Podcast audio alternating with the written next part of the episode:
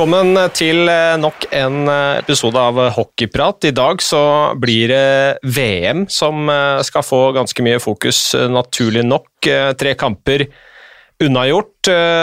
Litt så som så fra de norske gutta enn så lenge, men det er fortsatt muligheter. og vi spiller jo inn denne episoden her på onsdag. Det betyr at i kveld så skal Norge ut i aksjon mot Canada. Det hadde vært jo ekstremt moro om vi klarte å melde oss på noen av de andre underdogsene og levere en skikkelig skalp. For uh, i hvert fall enn så lenge, Bjørn, så har jo det her vært uh, Jeg veit ikke hva de har fått i seg nede i Riga, men uh, det, har, det, har, vært mye rart. Ja, det er helt riktig. det, og det er klart at Skulle Norge eventuelt vinne den kampen, så tyder jo mye på at Canada rett og slett havner utenfor kvartfinalespill. Og jeg kan ikke Det har vel aldri skjedd? Har det det? Nei, det kan jeg ikke huske, i hvert fall at det, på noe tidspunkt at Canada ikke har gått videre fra gruppespillet. Og det er jo det, sant, Man har jo sett da både Tsjekkia, Canada, Sverige Nå slo jo dem fryktelig tilbake her, da, men altså det, det er, er VM-et for eh, litt sånn overraskende resultater. Ja, og det er klart at det er korona-VM. Mange av lagene av de presentlig sterkeste har et svakere landslag enn de har hatt på hvor lenge som helst. og Etter to runder så var på en måte Canada, Tsjekkia og Sverige hadde da lavere poengsum enn Danmark, Hviterussland, Latvia, Norge, Tyskland og Kasakhstan. Det, det, det, det, sier seg sjøl at det er, eh, er, litt spesielt. Ja, Det var vel på et tidspunkt der det var Canada, Storbritannia, eh, Sverige og Italia som hadde null poeng?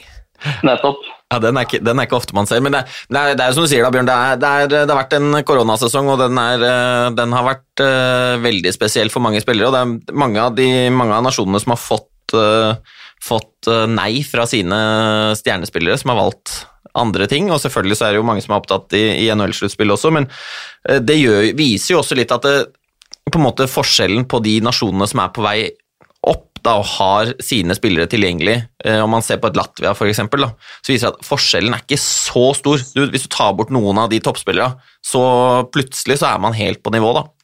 Ja, hvis du tar bort første, andre og tredje laget, mener du? Ja, akkurat. Det var det jeg tenkte på. ja, men så er spørsmålet, fordi vi, vi, vi har liksom snakka om dette rundt flere mesterskap nå på rad, eh, om at eh, det er mange lag som er på gang. Eh, det skjer veldig mye spennende der. Eh, Latvia har jo hatt enorm utvikling under Bob Hartley, blant annet. Eh, hva tenker du når du har sett på, på Norge nå, Jesper? Er vi på gang? Jeg syns jo Jeg var litt sånn skeptisk før oppkjøringskampene.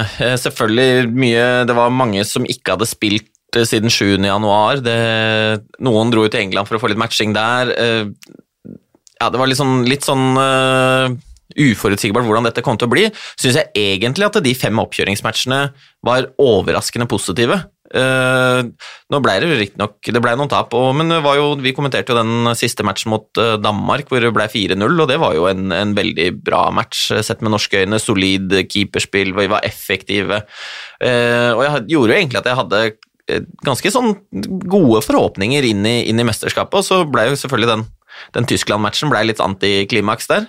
Også, ja, skikkelig òg. Ja, og, og, da liksom eh, Hvor det på en måte plutselig var man tilbake igjen til det at det, ja, matchen var var, den var jo iv, man starta bra, og sånt, men man hadde ikke effektiviteten det var ikke, Klarte ikke å holde tett bakover, og man fikk liksom uh, Fikk uh, eh, 5-1 i sekken der. Og så Italia-matchen var helt Den var jo habil. De hadde jo full kontroll der, og akkurat som man forventa, så var det jo Syns jeg starta veldig bra i Finland-matchen. Første perioden var Da syns jeg vi var helt på høyde. Så blei det litt tyngre utover i matchen der, så jeg, jeg syns vi har noe på, på gang. Det er jo mange spennende spillere. Men uh, det er viktig å få liksom, det der kollektivet til å funke hele veien gjennom en sånn turnering.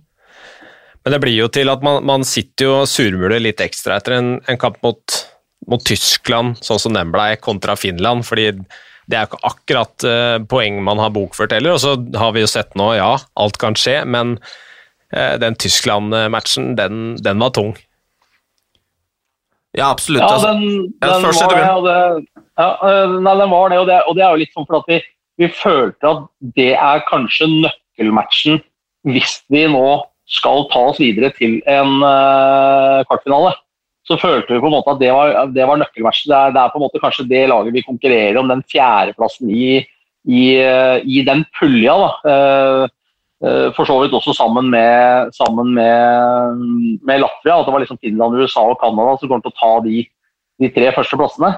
Uh, men så har det vært så mye resultater nå, så med rare resultater. Kanskje sånn som Kasakhstan går og slår Finland, er jo helt sjukt, egentlig.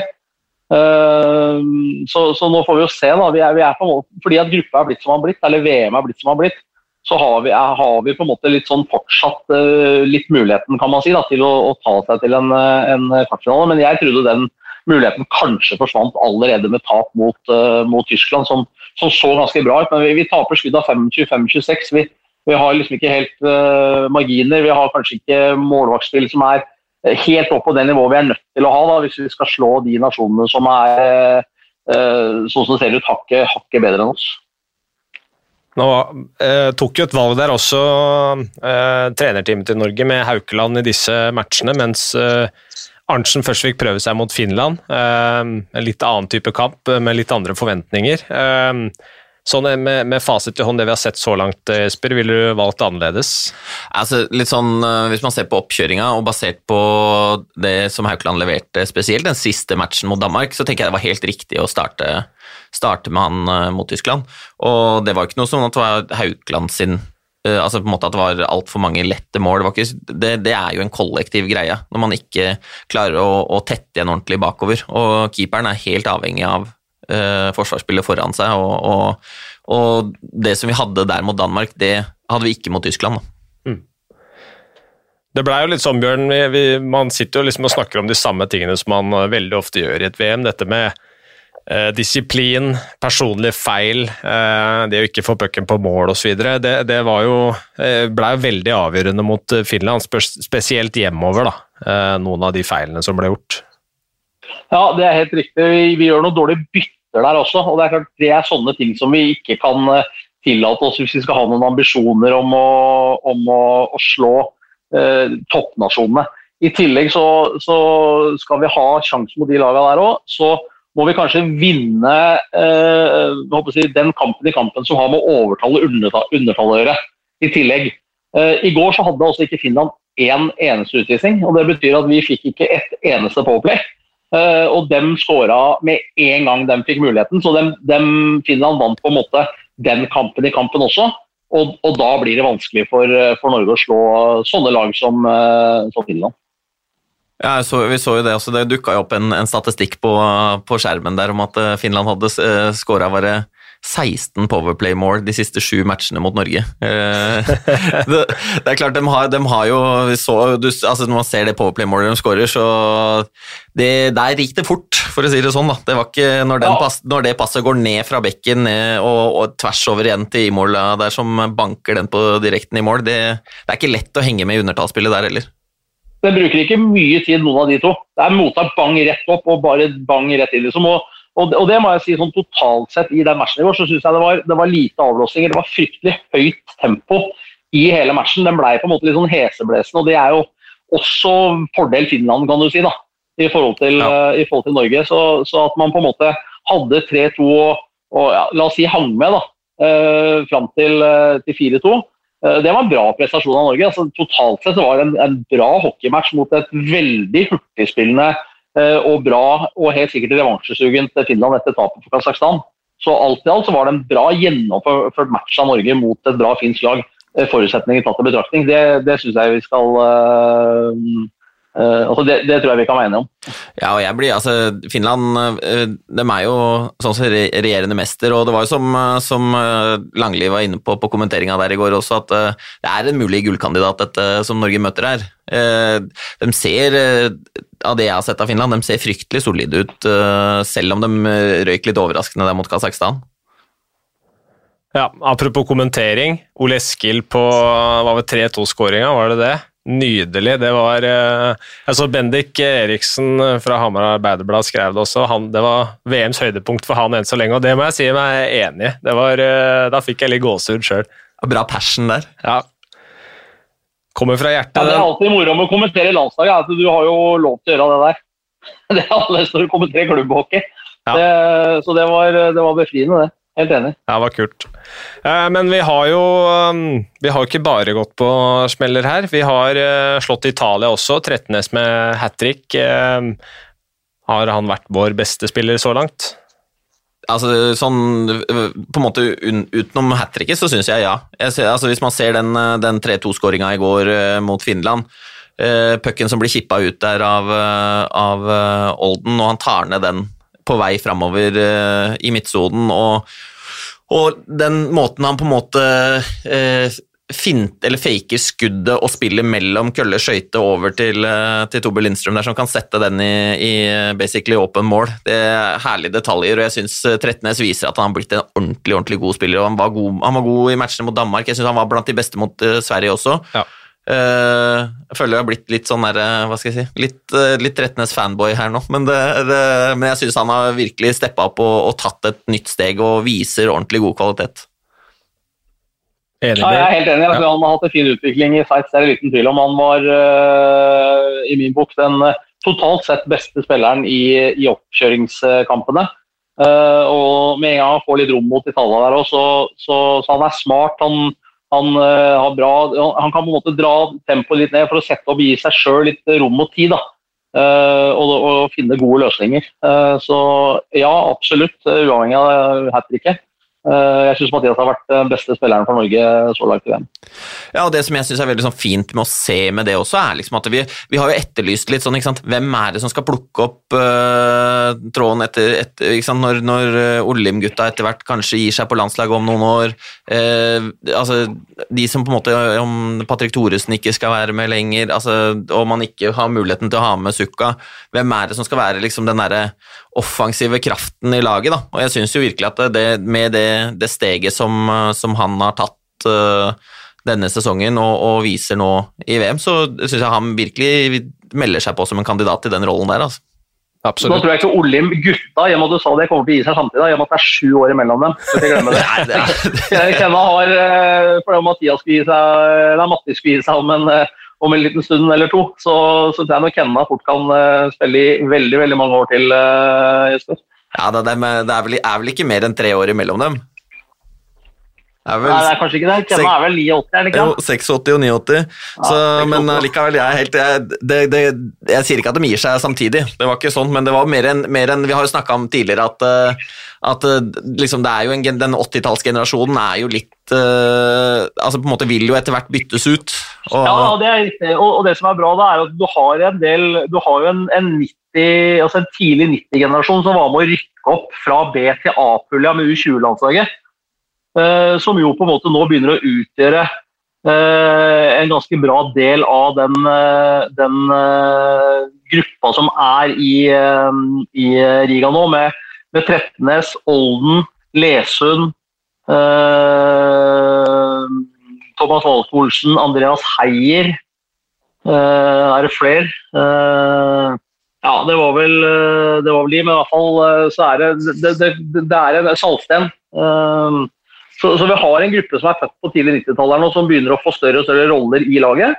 Og så kommer jo enda noen da nå på, på 2000-tallet med, med, Lilleberg, som jeg syns har klart seg veldig bra, bortsett fra den hodemisten han drar på seg 10 pluss 2, og Tyskland skårer der med, i den matchen. Og, og Holm og, og Emilio Pettersen osv. Så, videre. så det er ikke sikkert det blir så halvgærent, det der frykta generasjonsskiftet likevel. Det blir veldig spennende å se. Ja, vi skal ta litt mer om eh, disse unge debutantene etterpå, men jeg har fått et spørsmål fra Skjold7 på Twitter eh, angående Trettenes. Fordi eh, det skal ikke mange bra prestasjoner til før man begynner å titte, titte videre oppover. Og spørsmålet lyder som følger Er det på tide å komme seg til en enda bedre liga?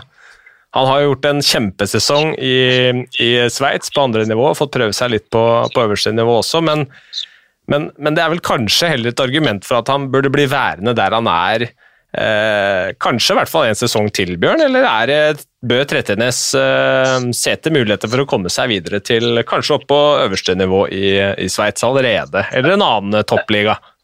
Nei, Han har vel kontrakt der neste år òg, har han ikke det?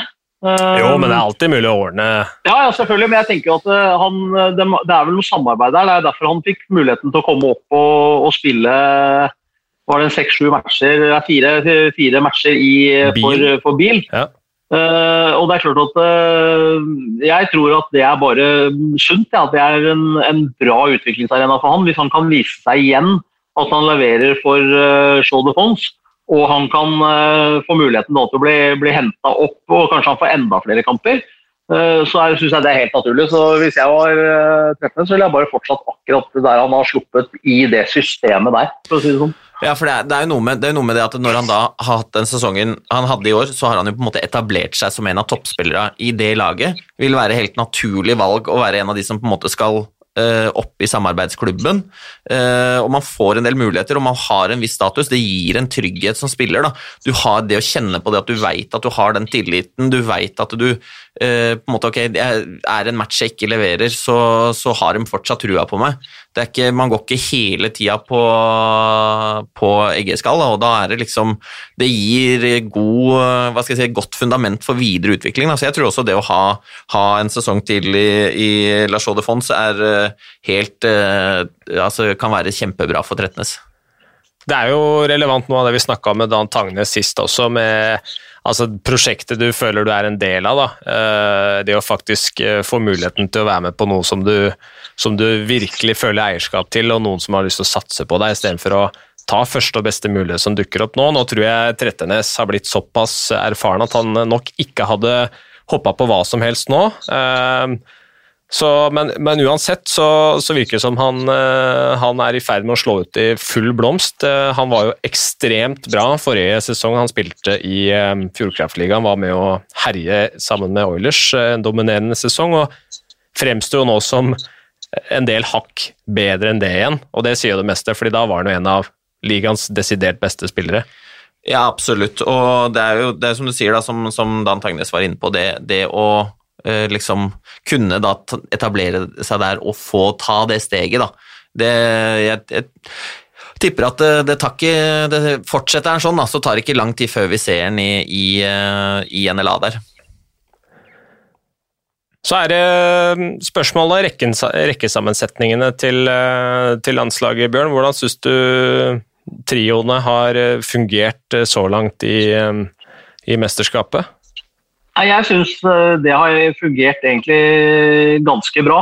Eh, vi kunne jo fått en helt annen utvikling i den Tyskland-matchen f.eks. For, for å ta den, den, ene femmeren som på en måte kanskje har si, vært bra, men som kanskje ikke har fått uttelling, med, med Haga, Mattis Ollimbo og, og Thomas Nalko Olsen. Uh, hvor uh, Mattis i intervjuet sa at han trodde det var blåst, hvor de kommer to mot null. Og jeg tør sette noen uh, brødskiver med løvpostei på at Våge Olsen hadde scora og hadde Mattis spilt den pucken tvers over. men etter at tre matcher er over, så er jeg ikke sikkert han hadde satt i brødskivene likevel. For Thomas har jo hatt en del sjanser til som han ikke har satt. Han burde ha fått, fått utdeling. Men, men, men, den har produsert Rupert, og den rekka med, med treffene til dem syns jeg har vært den har vært god fordi Mathias har vært vært såpass bra. Um, og så har vel kanskje ikke Kenna og, og Emilie og de fått, uh, fått utretta så mye positivt. Jeg, altså, positivt i den forstand at de har produsert skåringer, men jeg synes uh, totalt sett så synes jeg sammensetninga er ganske, ganske, bra i forhold til hva man er ute etter i en sånn, sånn sammensetning. Og så har du jo den fjerdeformasjonen hvor Tommy og, og Martin Remark har Uh, stort sett uh, spilt med Bekke Henriksen, som, som, jo har klart seg bedre enn det kanskje mange frykta. Mm. Den der tredje formasjonen med Haga, Olimbo og Valkve Olsen, uh, er ikke det hele Askers våte drøm om dagen, da, Bjørn? Ja, det er nok litt tidlig for de to vingene der, for å si det sånn. Det er vel selvfølgelig skulle Mattis Solim få lyst til å pakke med familien hjem igjen, så har jo han, som sikkert de fleste av våre lyttere vet, eh, flytta eller har hus i Asker. Eh, og det er naturligvis da svært interessant for Askeklubben å prøve å lokke han til eh, Askerhallen. Og det har vel Mattis uttalt sjøl òg, at kommer han hjem så er det Frisk eller, eller Vålerenga det står mellom, som naturlig er når du bor i Asker og har spilt i Vålerenga. Uh, og så vil det nok ta litt mer tid før uh, eventuelt Valke Olsen og Haga kommer hjem. Så man, uh, og man har en, eh, et ønske om at de tre skal spille sammen i ny Askerhallen, det tror jeg kanskje kan bli litt vanskelig, i og med at de to sistnevnte er eh, en del år yngre og har nok helt sikkert ambisjoner om å spille ute en god stund til. Så har du Emilio Pettersen, Ken André Olib, Mats Rosseli Olsen. Um, hadde man kanskje forventa litt mer av uh, den trioen Esper? Både ja og nei. Det er, altså, det er tøft å produsere i et sånt VM, og sånn som dem som uh, altså, har jo spilt, De spiller jo ofte mot, uh, mot førsterekka til, uh, til det andre laget. Det, ja. det, det, gjør jo ikke veldig lett å få mye, mye tid og plass til å skape altfor mye. og uh, Det er jo liksom, det, det, blir litt som Selvfølgelig, litt flyt, så, så de, hadde de skåra tre-fire mål allerede, men dessverre så har vi ikke hatt helt den uttellinga.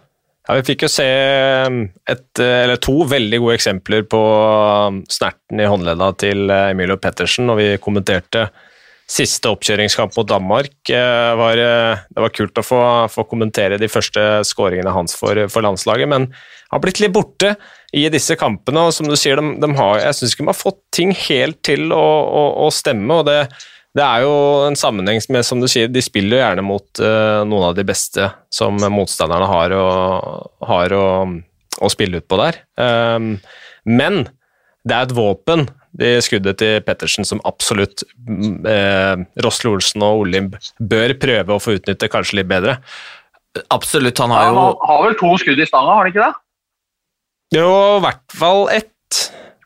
Jeg husker ikke helt det andre, men det er, det er mye mulig. Men, men det, det, blir detaljer. Da hadde han hatt to skåringer, og da hadde han sagt at det var greit. Vi skal ikke glemme at han er født i 2000, selv om han har spilt uh, Det er liksom første sesongen hans i år hvor han spiller med, med voksne folk. da, ikke sant? Det har vært en 15-20-30 kamper eller hva for noe i, i, i AHL i år uh, som han har fått muligheten til. og, og Overgangen der er stor. Nå, nå står han med null poeng og, og minus tre, som jo er svakest i laget, sammen med et par andre i pluss-minus-statistikken.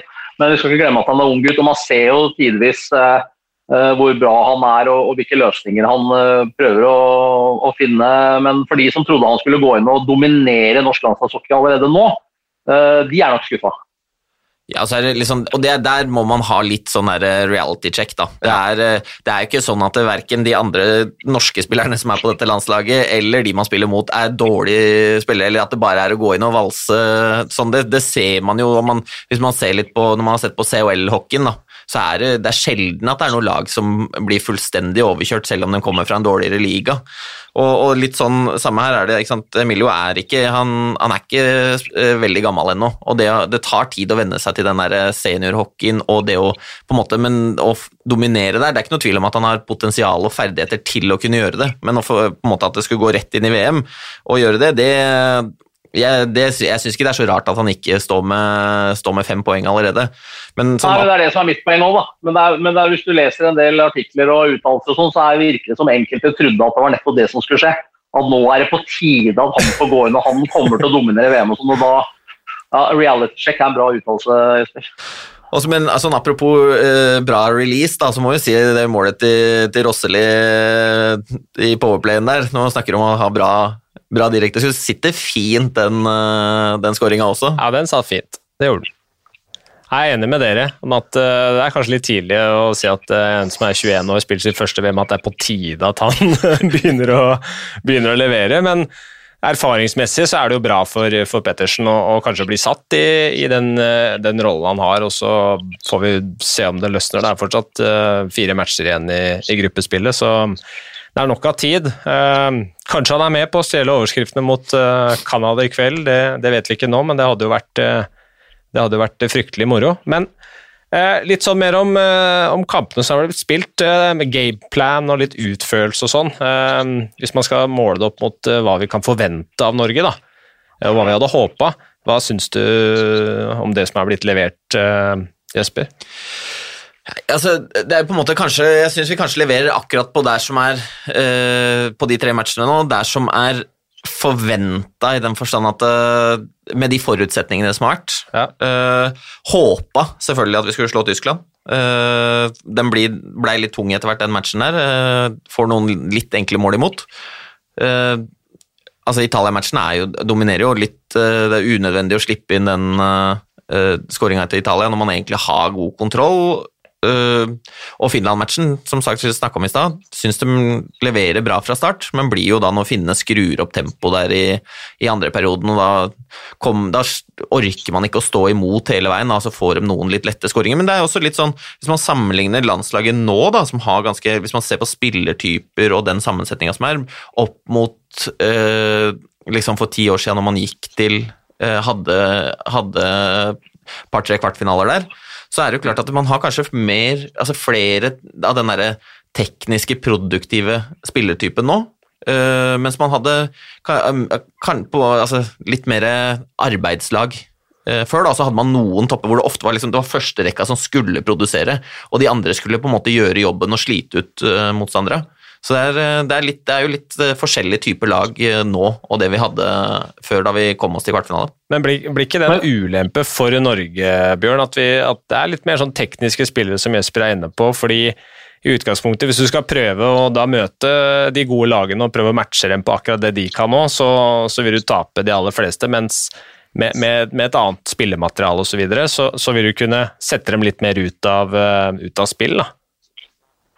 Ja, Det der er en veldig interessant eh, diskusjon. og det er klart at det, Hvis du ser på, på vingpara i de tre første februar, så er det, eh, så er det ganske mange altså skøytesterke, kvikke uh, spillere. Og, og, og, jeg hadde vel kanskje altså Hvis du så på matchen mot Finland i går, de gangene hvor vi på en måte produserte litt muligheter og fikk litt hugg på dem og fikk satt litt press på dem, det var når vi uh, pressa høyt, eller vant igjen pucken høyt i banen, hvor det var kort avstand mellom eneren og toeren som, som påsjekka. Men det gjorde vi veldig, veldig sjelden. Spørsmålet er om vi eh, litt for ofte går og stiller oss i lavt press, altså, eller styrespill, som det ble kalt før. Om vi, om, vi, om vi, kanskje i enda større grad eh, burde ha lagt uh, større press, sånn som vi ble gjort eh, mot oss hele tida. Som tyskerne gjorde på oss gjennom den matchen. Eh, vi produserte riktignok 24 skudd mot Tyskland, og dem hadde vel 25. Eh, så Sånn sett så, så kan man jo si at eh, banespillet, hvis du kan bruke det uttrykket, basert på en sjanse slash skuddstatistikk, var, var jevn. Men vi taper 5-1 til slutt allikevel, så det kommer litt an på hvordan man får mulighetene, naturligvis. Men, men jeg tenker at, med, at, man har mannskap til å kanskje eh, enda oftere og i enda større grad gå for det høye presset. Eh, og ikke stelle seg på en måte opp i midtsonen og vente på motstanderen. For det er utrolig vanskelig nå eh, å, spille lavt press mot så hurtige og puckskikkelige lag som f.eks. Finland var i, i går. Så, eh, og den avveininga der, når man skal gå, når man skal stille seg opp, den er naturligvis alltid vanskelig. Men hvis på en måte man i litt større grad da, hadde hatt et ønske om å, om å presse høyere, og, og, det er på en måte det som er kommunisert, så tror jeg kanskje vi oftere innimellom, eller altså at vi kanskje oftere hadde hatt muligheten til å sette litt press på, på finnene fra tid til annen. Uh, og kanskje få en litt lavere eller en annen type oppspill gjennom midtsonen uh, fra, fra, motstanderen enn det, vi, enn det vi fikk. Det ble veldig hurtig gjennom midtsonen for Finland veldig ofte. Eh, for det blir litt enkelt når vi, når vi rygger bakover uh, så ofte som vi gjør. Og så er det der utrolig vanskelig, for motstanderen er så puckskikkelig. Uh, men, men, jeg tror nok vi med fordel kunne satt høyere press. Oftere litt mer moderne, da, for å si det sånn. Ja, altså, altså, det er litt synd. Ja, men, ja, og det, og det, men jeg tenker det, det, er en, det, er jo en, avveining man må gjøre som, eller som Petter og Sjur og Anders Jøse uh, må gjøre da, i trenerteamet. Hvordan, hvordan, skal vi på en måte bruke det spillemateriellet vi har? Hva er den beste taktikken her? Og Det, er det kan godt hende at man kunne kommet ut med et bedre, uh, et bedre resultat uh, av å spille med et annet type press og ikke stelle seg opp. da. Og, og og det er liksom sånn Det blir jo den varier... Får se litt hvordan de tenker nå mot Canada i, i, kveld. Om det er eh, Om man tenker at man skal gå ut eh, litt, litt, høyere. Det er klart det gir jo også en risiko for å bli i større grad bli spilt over, ikke sant. Eh, man, for det er klart at hvis det, det defensive laget på en måte klarer å spille, spille, seg ut av situasjonen, så blir det fryktelig store rom. Da, og Det er kanskje det man har prøvd å demme opp for, og heller ta kontringene. Men det, så er liksom, det er for og imot, da. Hmm. Vi har fått et spørsmål, eh, eh, Bjørn, fra Magnus Carlsen. Eh, trolig ikke sjakkspilleren, men, men han, han, lurer liksom litt på forskjellene på, på Petter Thoresen sitt landslag og Roy Johansen sitt landslag. og, og beste måten å sammenligne dette på, da, fordi det, det blir jo litt urettferdig kanskje å ta liksom de, dette landslaget som vi huska med, med Roy da vi var eh, liksom eh, surfa på en bølge, føltes det nesten som. Vi, vi kjempa om kvartfinale hvert år, kom dit eh, tre ganger, vel. For jeg, jeg, føler liksom Norge på det tidspunktet var på mange måter der hvor Danmark er nå. Så kan man selvfølgelig argumentere for at Danmark har kommet enda lenger. Selvfølgelig har flere spillere i NHL, men de har en, en veldig eh, bred og god kjerne stamme i laget som har lang kontinuitet på landslaget osv. Men hvordan ville dette landslaget vi spiller med nå sett ut under Roy Johansen, er kanskje beste måten å gjøre sammenligningen på. Hadde, vi, hadde det vært eh, stor forskjell på det, Bjørn? Oi, det er jo et utrolig, utrolig vanskelig spørsmål. Sånn, ja, det er veldig detaljer her òg, da. Ja, det er det. Er det men, men det, som er, det, som er, på det rennet, det er den årgangen der som, som jo uh, du er inne på, gikk til kvartfinalen flere ganger. Uh, du skal ikke glemme at det landslaget til Petter Thoresen gikk til kvartfinale i et OL. Uh, med den gjengen, kan man si, som, som er nå, mer eller mindre. Eh, men, men, det er klart at det, vi hadde en, en, stamme i det laget som spilte på det høyeste nivået i Europa, mer eller mindre. Altså, de spilte i, mange av dem spilte, og ikke bare spilte, men de hadde gode roller i SHL. Eh, Patrick Thoresen hadde vi i, i, KL, Jonas Hole som var en periode i KL når han ikke var i SHL. Eh, og, og, det, og, folk spilte på toppnivå i Del. og Eh, nå så, så, så, spiller jo brorparten av landslaget på et noe, noe, lavere nivå. Det er noen færre spillere eller det var noen færre spillere den gangen som spilte i hjemlig liga. Uh, så, så, det er klart at uh, ja, det, det, der er, det er et utrolig vanskelig spørsmål. Det er ikke tvil om at vi, had, vi har en generasjon der på, på 80-tallet med mange spillere som har hatt kjempebra karrierer, og som var uh, i landslaget over svært uh, lang tid og leverte de gode resultatene. Med Skrøder og hvis vi tar noe av dem som har gitt seg, Skrøder og Bastiansen uh, for Zuccarello har på en måte ikke vært med så mange, mange VM-turneringer. Det er vel ikke mer enn to-tre han har vært med totalt, faktisk. og, og altså, det, det, var så mange gode Nørstebø nå er det jo sønnen hans som spiller, ikke sant. Og, og øh, det, det, var så, det, var mange spillere. Øh, nå spiller det norske landslaget på et litt lavere nivå, men du ser allikevel resultatmessig så er vi ikke så langt unna. Altså Ja, vi hadde en uavgjort mot Finland faktisk ikke for så mange år siden, hvor mange av de gutta som er med nå, øh, var med å spille den, den kampen. Men, men jeg håper å si, den generasjonen da, med Kalle Skrøder og Bastiansen og den gjengen der, dem tapte også 5-2 for Finland, hvis det går an å si det på den måten. Eh, og, det, og det, ja. gjør, det, gjør, det, gjør, dagens mannskap også. Ikke sant? Så, og så Kanskje det var et mye bedre finsk lag da, fordi at det var flere NHL-spillere som var med osv. Og, eh, og det var det nok. for det vi ser på mannskapene i år, det har nok sjelden vært en, en, en mindre stjernespekka og, og dårligere eh, mannskap hos de pressutive beste lagene enn det vi ser i år. Det, det kan ikke jeg huske. Så, så, så, sånn sett så er det vel dags eh, hvis Norge skal ta en skalp mot Canada igjen på en stund, så er det vel kanskje året skal gjøre, selv om det naturligvis blir kanonvanskelig. Og, og, og like sannsynlig at vi skulle tape 6-1, på en måte, som at vi skulle finne på å skrelle. Men, eh, men, men mannskapet til Canada er i hvert fall ikke i nærheten av så navnkyndig som det det har vært eh, de siste åra. Og, kommer antageligvis ikke til å være såpass uh, lite stjernespekka på de neste 10-15 åra til, hvis det fram til noen banker i seg noe beltedyr og eventuelt får en ny pandemi. Men vi får håpe vi unngår det. Det, vi har vel ikke sett et gråere kanadisk landslag eh, kanskje ikke i vår levetid, eh, Jesper? Nei, Jeg følger ganske brukbart med, Jonas. Jeg må si at når jeg så det laget, så er det sånn at jeg knapt nesten visste hvor spillere har spilt den til daglig. altså, det er fjerderekkespillere i Ottawa og Arizona, og det er liksom ja, Du har noen, selvfølgelig, men, men det er grått. Altså. Ja, så det er klart, det er, det er jo det, hva jeg så på her, De hadde vel en 15-16 NHL-spillere med seg i, i, troppen. og det er jo, men, men, som du sier, da, det er, det er spillere som har mindre roller i, i, sine lag. og Det er mange som, som, eh, ha, eller som har takka nei, og som kunne ha vært med, som ikke spiller sluttspill òg. Altså, man ser eh, om det så altså, Hva skal jeg si? Om, det er, jo en del lag som ikke er igjen i, eller som ikke spiller sluttspillet, og det kunne vært plukka noen spillere på høyere hyller, uh, hyller der. og det hva skal jeg si, Dessverre for VM-turneringa så er det ikke det, men for, for Canada så har jo det ført til at de nå står med null poeng. Da. Så får vi se om Norge kan eh, sende dem ut av turneringa i kveld. Ja, vi har vel vært nære noen ganger, eh, kanskje sist da Grotnes eh, gjorde vel 50 redninger eller noe sånt, og fikk eh, litt oppmerksomhet i canadisk presse. Snekkeren som eh, stengte igjen døra for, for Norge. Canada vant vel den matchen 2-1. Vi ser om, eh, om, det blir Arntzen eller Haukeland som skal gjøre den jobben i, i dag, men det hadde jo vært eh, veldig kult om, om vi klarte å ta en skalp der. vi har bare slått dem én gang, har vi ikke det?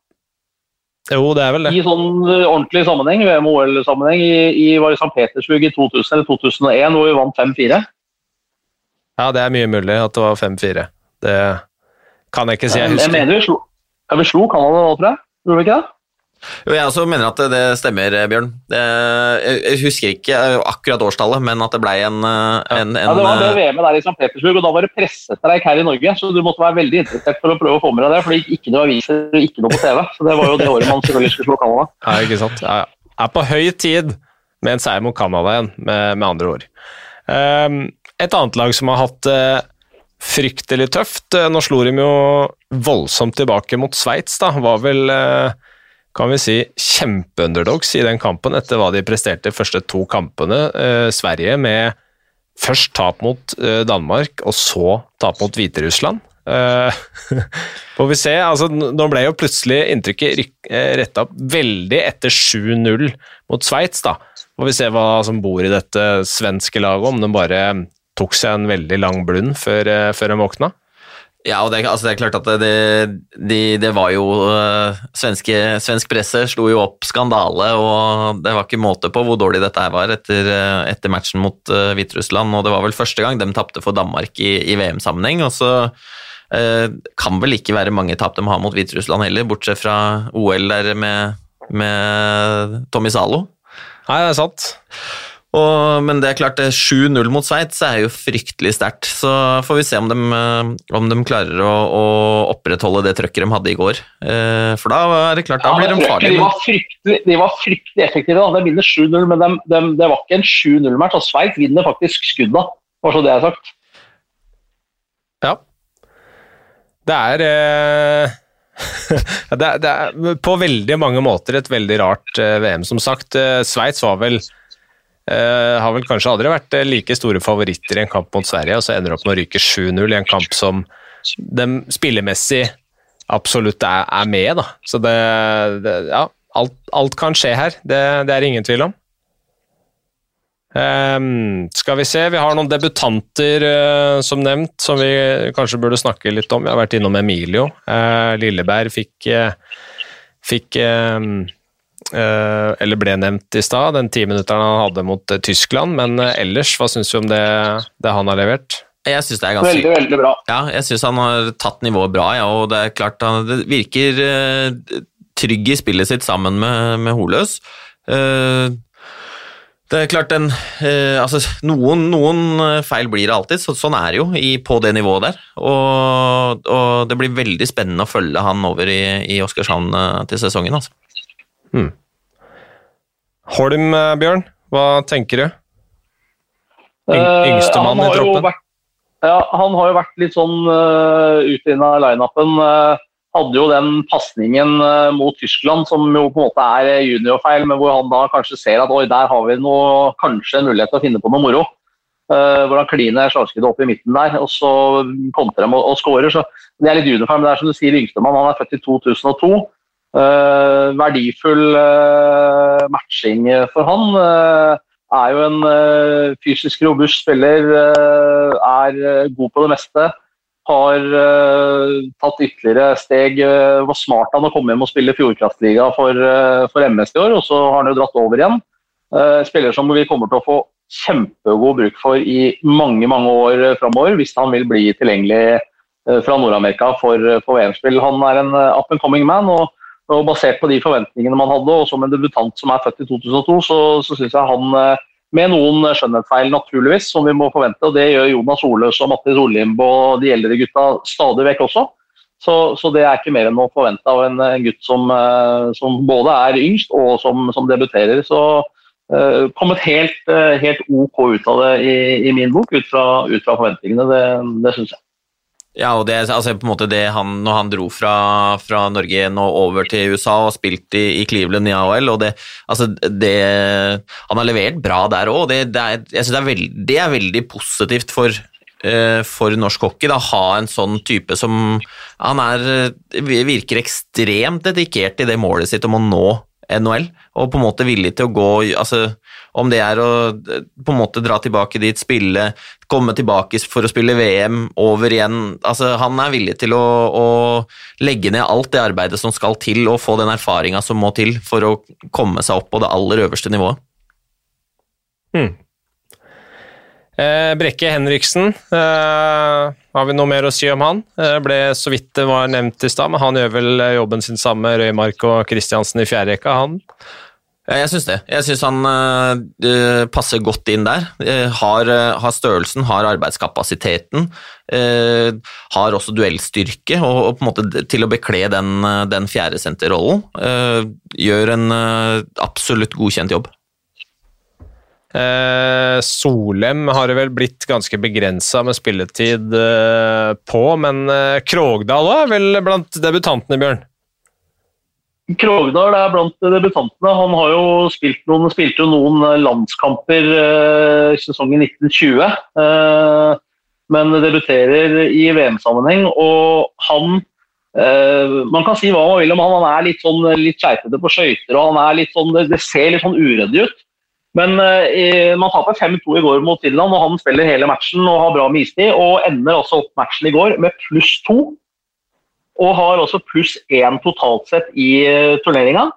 Og det er ikke veldig mange som uh, har på, på backsida når du spiller uh, 15-16-17-18 minutter uh, hver match. Og blant forsvarsspillerne så har han best pluss minus, og har jo spilt backpar med, med Kåsasul, som jo også er litt sånn uryddig type, tøff fysisk osv. Han har jo erfaring og har vært med litt eh, tidligere, men han endte også opp med pluss én i går mot Finland. Så kan det selvfølgelig være eh, tilfeldig. Men eh, når du har tatt så langt i VM 5-1 for Tyskland, 5-2 for Finland og vunnet 4-1 mot Italia, og du står med, med pluss én i boka som debutant, da skal du være strålende fornøyd i min bok. Ja, sånn Apropos det Askerekka jeg snakka om, nå er for så vidt ikke Matti Sollim noe Askegutt, men, eh, men, en mann eh, mange Asker-fans håper å kunne se i den oransje trøya, kanskje. Men eh, Kåsastul og Krogdal er jo backparet i, i, den femmeren også, på lagoppstillinga, så det er Det bør jo være i hvert fall litt relasjoner der, men nok om det. skal vi se.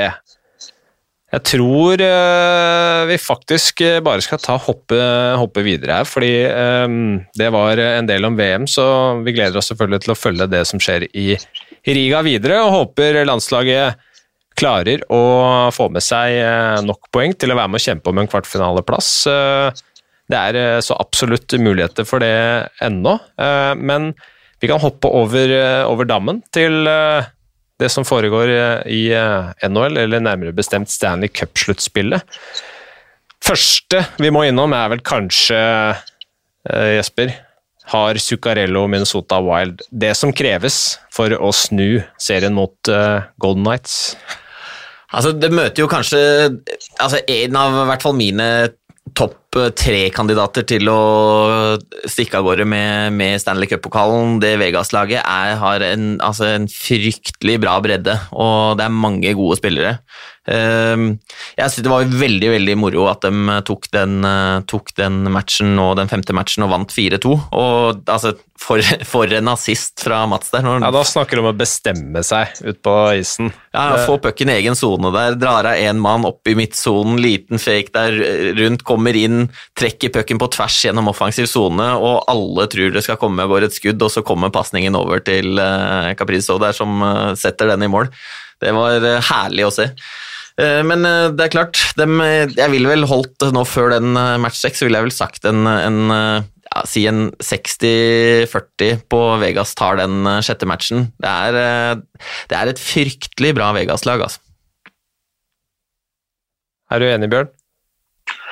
Ja, jeg har jo sett samtlige Wild-matcher siden Zuccarello ble eh, friskmeldt, og inklusive da en vel samtlige seks mot Vegas i grunnspillet. Eh, for dem jeg mener alle de var etter at han var, var tilbake igjen. Og, og, og Wild har jo faktisk hatt litt taket på Vegas, og når de tok en av de to bortekampene først, så trodde jeg faktisk at uh, det her vinner Minnesota. Så går de hen og taper begge matchene hjemme. Det var jo naturligvis en kjempeskrell. Hadde de tatt noe sist i Vegas, så hadde det jo vært over.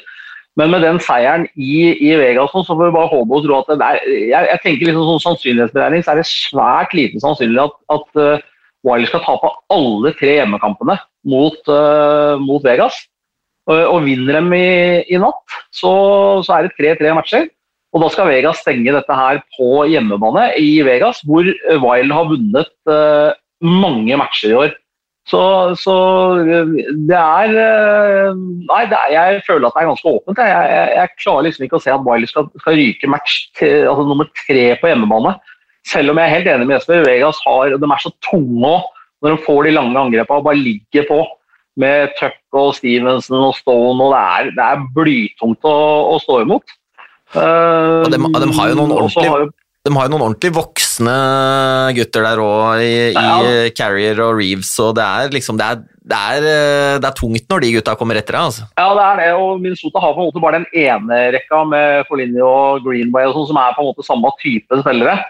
Men, eh, men, nei, altså jeg satser på en Wild-seier i natt. og også at det blir Eh, ordentlig fyr og fullt kok i teltet på lørdag eh, i match 7 i, i Vegas. Siden vi ikke får lov å reise. Ja, det, hadde vært, det hadde vært fryktelig moro. Men det, er kanskje ikke, det er kanskje ikke verdt å ta den der innreisekarantena for å dra og se den Nei, ikke, ikke, nå. Selv om en Vegas-helg eh, i match 7 hadde slått et par fluer i et smekk, da merker jeg. Men, det hadde vært en tur for bøkene, tenker jeg. Uh, det er ikke umulig. En som, uh, en som uh, hva skal man si, man ikke får se noe mer. Conor McDavid, Edmonton, rett ut i fire strake mot, mot Winnipeg. Um, det var vel en skrell, det òg, at i hvert fall 4-0 i matcher der. Ja, men se på de resultatene. Altså, det, er, det er tre matcher i overtime. Og det er én match hvor hun da taper var det 4-1, men det er to mål i åpen kasse. Ja. Så det er jo på en måte en 2-1-match som da eh, tar keeperen, så blir det 3-1-4-1. Det, det, er altså så sykt små marginer i, uh, i de matchene. Og, og Nei, det, ja. Hockeyen er, eh, er brutal veldig ofte. og Jeg sitter nok med en følelse av både organisasjonen til Edmonton og ikke minst superparet Dreisaitl uh, McDavid tenke hva skjedde. Uh, for det, det, ja, at du har så alt uh, på en måte mot deg. og i kun den siste kampen vinner Winnerpeg i skuddstatistikken, eller så vinner Edmonton den også. I alle tre kampene de, de taper i match 1, 2 og 3. Og det, det, ja, hockeyen er så utrolig marginal når vi, når vi snakker om to såpass jevne lag. Så, og det, altså, det, er jo absolutt to, to jevne lag, og, og, og, Edmonton sånn sett med de største stjernene, men når man snakker om på en måte bredden til Vegas, da det er mener altså sånn, Edmonton har ikke den bredden, og man blir veldig blenda av at uh, McDavid hadde nesten to poeng i snitt. Man har en Drycytle som bøtter inn poeng, uh, og liksom man tenker at, uh, at disse må jo gå langt. Men at, men, at, Winnipeg stikker av med seieren sånn totalt sett i best av sju, syns jeg ikke er så overraskende når du ser liksom om det er om det er eh, Kyle Connor eller Scheifel, eller om det er liksom uh, Wheeler de har, de har, altså Hellebrook i mål er jo knallgod keeper. Jeg, han er jo en bedre keeper enn Smith, syns jeg, da, i hvert fall. Er, ja, jeg, er ikke, jeg, er ikke, enig i at de går videre, men jeg bare sier at marginene er så sjukt små. Når det er tre overtime uh, Pucken hopper og spretter den riktige veien for Winderpeg, da. Ja, ja, ja. Helt... Kunne, kunne like godt stått 3-0 i matcher til uh, til uh, Edmonton etter de tre første, og, og dem kunne ha vunnet match fire i sudden. Uh, og så er det ofte sånn at you make your own luck, er det noe som heter på spansk. Og det um, Edmonton klarte ikke, og det klarte Winnipeg. Så. Når, når, så er spørsmålet hva skal til, eller når skal Edmonton klare det? For det, det har vært et lag med mye fokus uh, og spotlight uh, og, og, gode spillere, enorme talenter, ganske lenge nå. Eh, men de er jo ikke i nærheten av å, å klare å levere eh, på, på, isen. Og, altså, hvis du liksom sammenligner eh, de superstjernene de har hatt innom nå, med det laget de hadde da de gikk til finalen i var vel første sesongen etter den lockouten i 04-05. Så veldig annen type lag, og nå er det selvfølgelig en annen type hockey som spilles sånn, men jeg har forståelse om Edmundton Oilers-fansen er i ferd med å sprekke ikke av, eh, av å miste tålmodigheten sin. da. Jeg, leste her, eh, Det var en eller annen som skrev om at eh, mente at for hvert år Edmonton har McDavid i laget, og han er i sin prime, så må de bare de må, uh, altså, trade bort alt av draftvalg og alt av sånn for å være en ordentlig cupcontender. Ja. Fylle, være, ligge helt oppe på, på tak, lønnstaket uh, og bare stacke opp laget så de har har muligheten til å vinne. At uh, ethvert år de har McDavid så god som han er nå, er egentlig bortkasta. Uh, fram til de liksom virkelig klarer å stable på, stable på, beina et lag som kan ta hjem pokalen. og Det er bedre å på en måte ofre en del i framtida for å vinne nå. Da. Og Det kan man jo, kan man jo si seg i hvert, hvert fall delvis enig om, enig om, man ikke skal være så ekstrem, men at det er når du har spillere som McDavid og Dreisaitl som på en måte er så store stjerner, så ja. må, må, man jo gjøre det man kan som organisasjon for å være i posisjon til å vinne. Ja, det er nå, altså er man må gjøre det. og det, det, det, det, bør være hvert eneste år de ikke vinner Stanley Cup med McDavid på laget, bør være en fiasko eh, i utgangspunktet, fordi han er så god som han er. men så er det også det som er deilig med denne hockeyen, og det er så mange eksempler på det, at den ene superstjerna du har eh, når, når sluttspillet kommer, ja, det er så, så sykt uh, hva, som, uh, hva, som, skjer, og hvor tight det er, hvor små marginer det er, hvordan de klarer å liksom sette han ut av en hel serie innimellom. Ja, det er, det er så ja, kult å se på. Ja, og Det er jo det som er forskjellen mellom seriespillet og sluttspillet. Ja. Og det, det, den, evnen, den, evnen, en del lag har til å virkelig bare stenge ned uh, stjernespillere til motstandere. Og da, da hvis, du ser da på, hvis du ser på de lagene som har vunnet mer enn én gang de siste 10-15 åra, om du ser på et uh, Chicago-lag som vant med, med Kane og Taves, uh, og man har liksom hatt Pittsburgh med, med Malkin og Crosby er, De har jo bygd de har jo breiere lag ja. Eh, med mere, flere strenger å spille på da, enn det som, eh, enn det som eh, på en måte årets utgave av Edmundton Oilers har hatt. Tok litt tid før Washington lykkes òg, etter å ha vært soleklart best i, gjennom grunnserien. Så, så, gikk det ofte ikke veldig lang tid før det var på hodet ut av, av sluttspillet. Så er, det er mange av de eksemplene. Eh, men der eh, raser det jo bare videre på i Stanley Cup, så det er for alle som eh, liker å sitte oppe om natta. Det gjør jo dere begge to. Bjørn, du har gjort dette nå så lenge jeg har kjent deg. Jesper med nytt familiemedlem, så du litt mer ufrivillig, kanskje? Ja, men altså, sånn det, ikke, det, der å kunne kombinere sånn babybyssing og NHL på TV, det er bare ikke ha på for høy lyd, så er det helt perfekt. ja. Uh, neste, da. Dette fikk jo ikke snakka noe særlig om i forrige pod. Eh, det ble selvfølgelig nevnt, det har jo blitt hele våren nå. Eh, Narvik-saken, eh, der fikk du en Hva skal man si? Vi har, vi har, blitt ferdig med et nytt kapittel i den, men boka er ikke ferdig skrevet ennå. Men altså Ishockeyforbundet vant i, i tingretten, og Narvik må altså betale 120 000 kroner i saksomkostninger. Så er spørsmålet, Jesper, er saken over nå? Eh, den burde vel i utgangspunktet være det, men det, jo, det var vel ganske tydelig før denne saken ble behandla om den midlertidige forføyninga i tingretten, at uh, hvis man ikke nådde opp der, så kom man til å gå etter i et uh, sånn erstatningssøksmål for å få kompensert en del utgifter som, som dette nedrykket vil påføre Narvik. Og, og det, den saken kommer nok til å gå Eh, parallelt med forberedelsene til, eh, til neste sesong i Fjordkraftligaen. Ja, men Er det beslutta? Har de bestemt seg for å gå til erstatningskrav?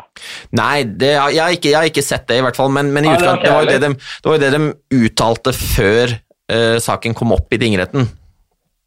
Ja, og hvor de har fått 6,5 millioner kroner de skulle ha? 6,2, hvis jeg ikke husker feil. Ja. Ja, det er, jeg skulle gjerne visst hvor hun fikk det. står sikkert et eller annet sted, det, altså, hvis man virkelig graver i, i papirhallen. Det, til Norge hvor hun skulle få 6,2 millioner kroner eh, fra. Hvor det tallet er henta fra. Det, I min bok så hørtes det utrolig høyt ut. Du har jo eh, faktisk enkelte lag i Fjordkraftligaen som ikke har det i budsjettet engang.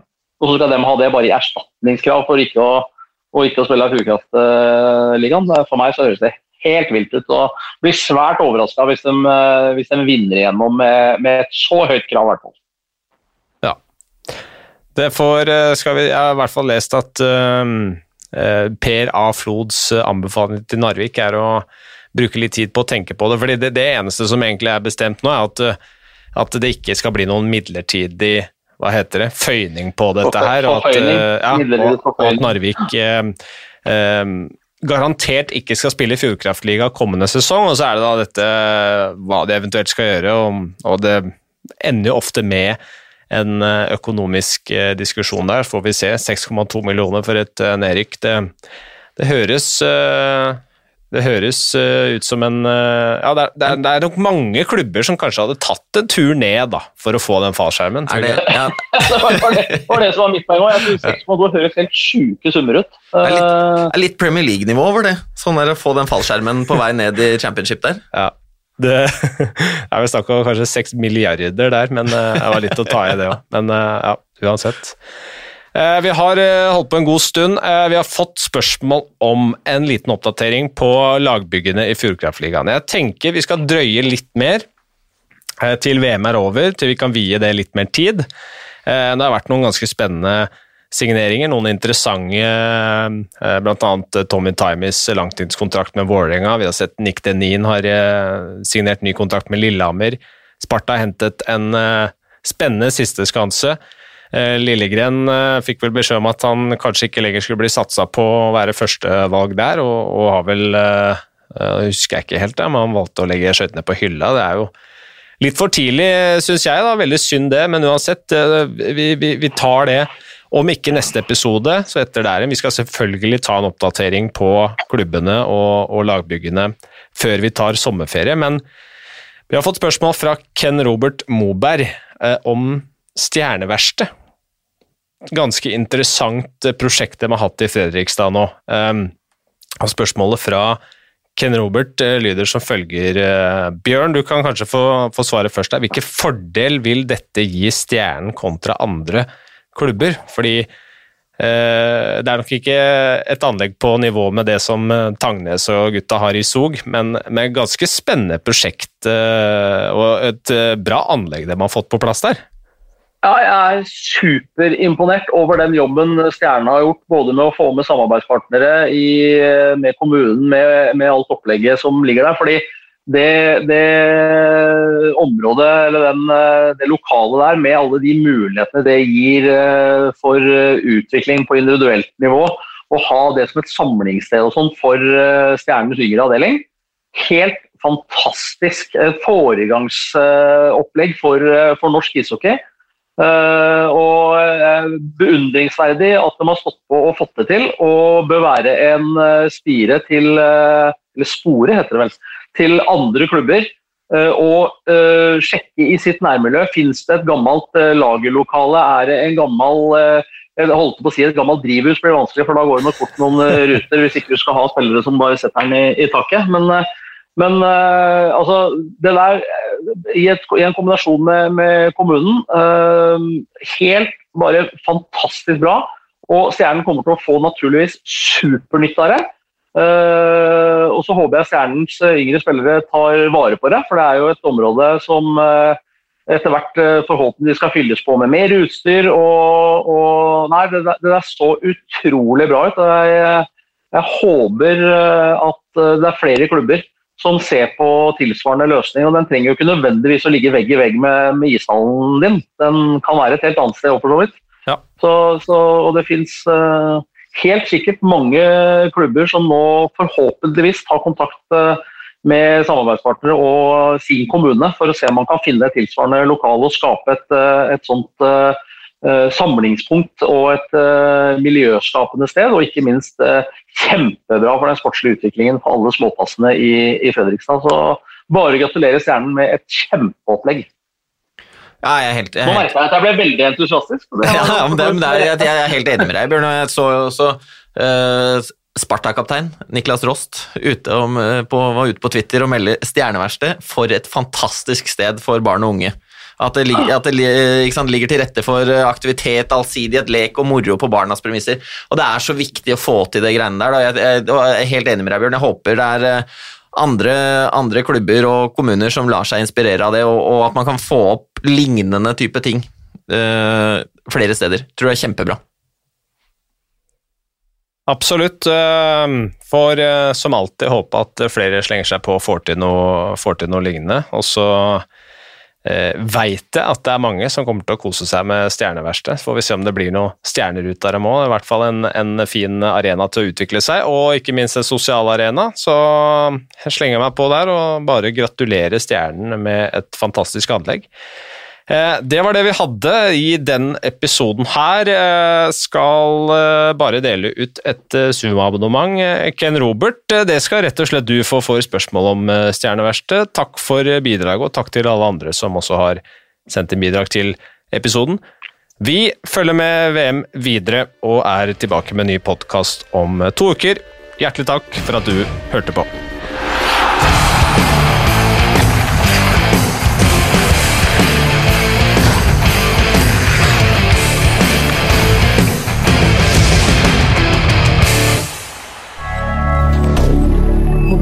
Moderne media.